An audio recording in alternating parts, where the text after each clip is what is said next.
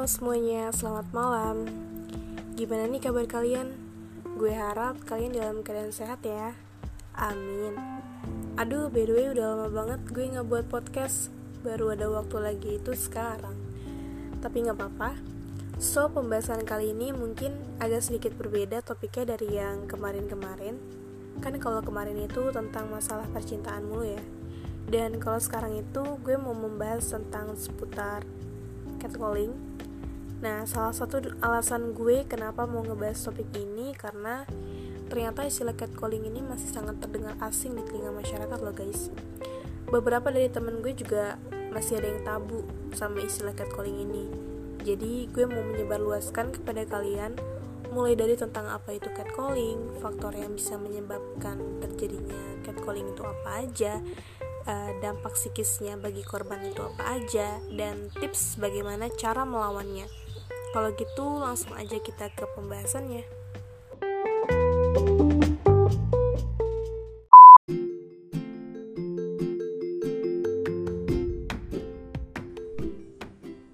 Oke, yang pertama, apa sih fenomena catcalling itu? Pasti dari kalian ada yang mengartikan catcalling itu adalah manggil kucing ya? Atau kucing nelfon? Hah, kucing nelfon? Jangan salah ya guys, catcalling itu nggak ada hubungannya sama kucing sama sekali. Jadi catcalling atau juga disebut street pelecehan itu adalah perbuatan atau komentar yang bernada seksis yang ditujukan untuk orang asing yang lagi lewat. Bisa bersifat implisit ataupun eksplisit. Misalnya disiul-siulin orang pinggir jalan, dipanggil-panggil padahal kita nggak saling kenal, sampai di stalking yang ganggu banget. Dan catcalling ini termasuk bentuk seksual loh guys, bahkan bisa dipidana. Loh kok bisa dipidana? Iya, karena dianggap sebagai salah satu perbuatan atau tindakan yang bertentangan dengan kesusilaan. Pelaku catcalling itu dapat dikenakan pasal 281 ayat 2, pasal 315 Kitab Undang-Undang Hukum Pidana, dan pasal 8, pasal 9, pasal 34, pasal 35 Undang-Undang Nomor 44 Tahun 2008 tentang pornografi. Sedangkan untuk perlindungan kepada korban catcalling itu diatur dalam Undang-Undang Nomor 31 Tahun 2014 tentang perlindungan saksi dan korban. Sayangnya ya guys, meskipun udah jadi fenomena global, tapi masih aja tuh banyak orang yang jadi korban catcalling kalian ada nggak yang udah pernah jadi korban catcalling? Gue pribadi sih pernah. Dan ada sebanyak 65% perempuan itu pernah mengalaminya. Sementara 57% mengalami pelecehan verbal kayak siulan dan panggilan tidak senonoh. Dan 41 persennya mengalami pelecehan di jalan disertai sentuhan tanpa izin dari si korban. Eits, tapi bukan hanya perempuan aja loh guys yang selalu jadi korban catcalling, melainkan sebagian laki-laki pun pernah ada yang menjadi korban catcalling dari perempuan. Nah, jadi gue nggak bilang tuh semua laki-laki tuh sama. Tapi karena berhubung pada umumnya wanita lah yang sering menerima kasus catcalling, jadi di sini gue mau mewakili suara wanita. Oke. Okay. Biasanya juga pelaku catcalling itu sering kali dilakukan oleh laki-laki yang tidak dikenal kepada perempuan yang sedang berjalan sendirian.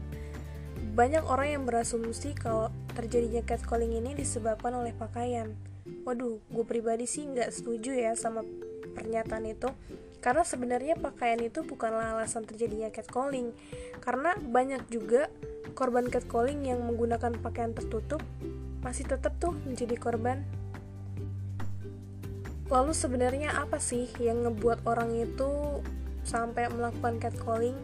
Dan ada nggak sih dampak psikologis yang bisa muncul terhadap si korban? Nah untuk menjawab itu semua, gue udah ngerangkum fakta-fakta psikologis seputar fenomena catcalling. Sebelumnya perlu diingat nih, catcalling sama flirting itu beda. Karena ada orang yang bilang kalau itu tuh sama, karena kalau catcalling itu bukan yang kayak sampai bikin kita kesenangan gara-gara digodain, tapi malah nggak ngenakin dan menempatkan kita tuh sebagai korban kayak sampai nggak berdaya, nggak punya power. Jadi ketika ada orang asing pinggir jalan tiba-tiba bilang, "Kiu, cewek, mau ke mana nih?" atau hey mbak cakep bener nah itu bukan pujian itu panggilan kucing bosku nah kalau flirting itu bahasa simpelnya tuh lo nunjukin perhatian atau ketertarikan lo nih. Khusus buat doi itu lewat senyuman tatapan mata ataupun obrolan. Dan ini tuh dilakukan dengan cara natural alias tipis-tipis dan gak agresif. Iya kayak lo lagi PDKT ke cewek yang lo suka gitu Pelan-pelan. Nah beda lagi kan kalau catcalling. Catcalling itu kan udah gak kenal Terus sokap. Dan itu agresif banget Nah jadi beda ya tapi ada salah satu riset yang menunjukkan beberapa faktor mengapa laki-laki melakukan catcalling. Ternyata hal ini katanya berkaitan dengan tingkat kepedulian, pendidikan, ada juga yang karena stres dan depresi, sehingga dia melakukan tindakan pada lawan jenisnya untuk menegaskan kekuatannya sebagai laki-laki. Tapi ada juga riset lain yang menyebutkan kalau para catcallers itu cuma iseng, bosen, tanpa benar-benar peduli sama perasaan perempuan yang jadi korbannya. Dan menurut gue ini benar-benar gak lucu. Fenomena catcalling ini ternyata bisa berdampak besar loh sama korban psikisnya. Dalam sebuah jurnal, dampak psikis yang bisa muncul pada korban catcalling itu macam-macam, yaitu merasa risih, takut, gak nyaman, merasa tidak dihargai, dan yang lebih parahnya, Terjadinya serangan panik, depresi, kecemasan, gangguan tidur, sulit untuk berkonsentrasi, merasa kehilangan motivasi, menyalahkan diri sendiri, merasa tidak berdaya, bahkan sampai bisa memicu pemikiran untuk bunuh diri. Nah, lo serem banget kan, guys? Dan juga salah satu pemicu mengapa korban catcalling itu rentan banget mengalami depresi adalah karena si pelaku suka menyalahkan korban Ya Allah, udah jadi korban, tapi malah disalahin. Ditambah terkadang respon yang muncul dari netizen julid kayak, ah kamu penampilannya sih terlalu seksi, atau ah lebay aja lu mah digituin doang. Nah itu adalah salah satu respon negatif yang bisa bikin korban itu makin ngedown. Padahal, catcalling itu bisa terjadi sama siapa aja, tanpa mandang dia pakai baju apa, status ekonominya seperti apa, usianya berapa, dan bisa di mana aja. Misalnya seperti kasus salah satu seorang wanita berinisial K. Padahal saat itu dia pakai baju formal, sopan, tapi tetap aja catcalling sama orang. Nah, jadi nggak ada alasan lagi untuk menyalahkan si korban. Kita dengan jadi korban aja tuh udah jadi mimpi buruk banget. Malah ditambah sama komentar julid. Ya Allah, tuh bayangin deh. Nah, itulah beberapa fakta psikologis tentang catcalling. Jadi mulai sekarang yuk sama-sama kita hentikan catcalling dengan tidak membiarkan catcalling terjadi di sekitar kita.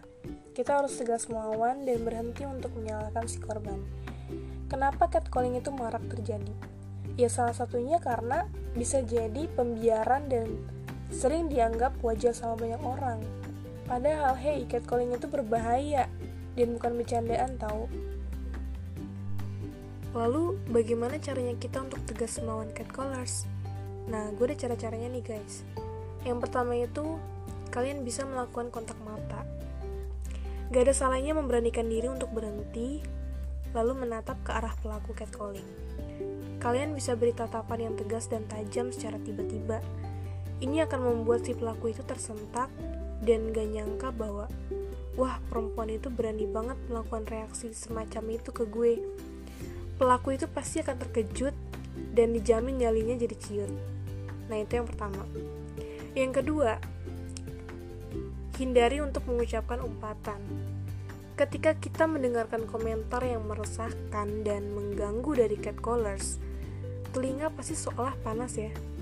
Kita tuh bahkan rasanya tuh kayak pengen uh, langsung marah, ngegas, dan mengucapkan kalimat negatif seperti umpatan.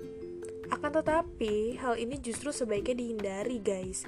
Pasalnya, si pelaku itu akan bisa semakin kesel terhadap kita dan mungkin akan melakukan sesuatu yang lebih buruk.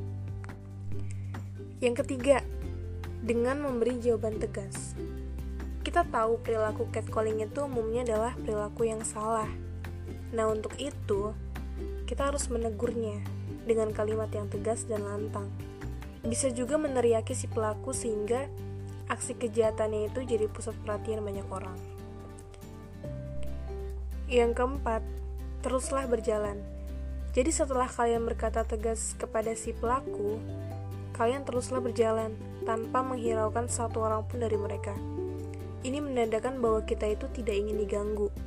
Tapi ada juga beberapa perempuan yang lebih milih cuek dan menundukkan pandangan untuk mengisyaratkan bahwa dirinya itu tidak ingin diganggu. Karena kalau memberi reaksi yang berlebihan pun kepada si pelaku, ya mereka akan menikmati itu sebagai bentuk perhatian, terus menertawakannya. Yang kelima, berpura-pura menelpon. Nah, ini juga menjadi salah satu cara menghadapi catcalling.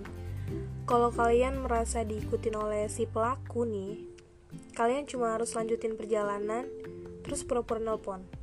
Atau boleh juga dengan bener-bener nelpon keluarga atau polisi bila perlu.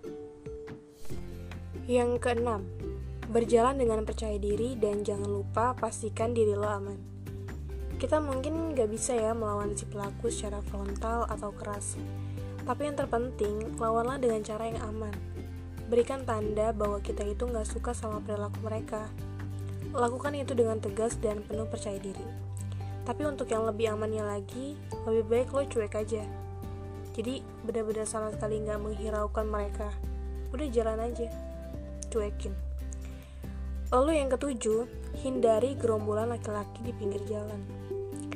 Pada umumnya kan catcalling itu dilakukan oleh sekumpulan laki-laki ya.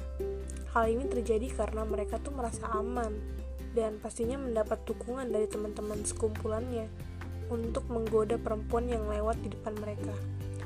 Oleh karena itu, sebisa mungkin hindarilah segerombolan laki-laki dan pilihlah alternatif rute lain yang lebih aman untuk dilewati.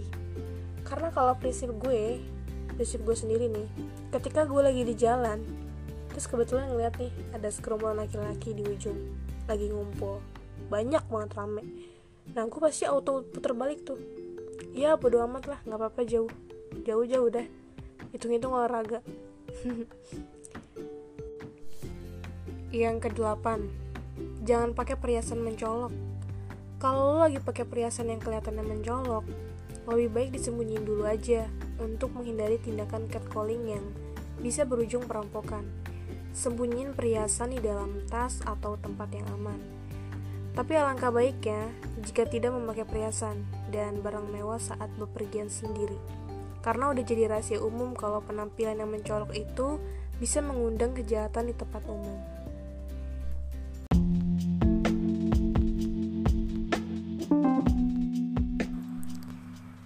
Nah, itu dia 8 cara yang bisa dilakuin saat menghadapi catcalling. Kita sebagai perempuan harus bersuara dan jangan menganggap kasus ini adalah sebuah candaan semata. Jangan sampai wanita hanya sebagai objek pemuas pria saja. Kita harus bertindak dan jangan diam. Catcalling adalah musuh semua perempuan. Kalau kalian setuju dengan informasi dan edukasi ini, kalian bisa langsung share podcast ini ke kerabat terdekat kalian lewat media sosial. Itu aja dari gue, jangan lupa untuk selalu hati-hati dengan siapa pun, di mana pun, dan kapan pun kalian berada. Oh ya, sebelum mengakhiri pembahasan kali ini, gue mau minta maaf kalau ada kekurangan dan salah kata yang sekiranya dapat menyinggung perasaan kalian, terutama bagi yang mendengarkan podcast ini, baik laki-laki maupun perempuan. Sekali lagi gue minta maaf, semoga informasi ini bermanfaat untuk kalian semua. Bye-bye.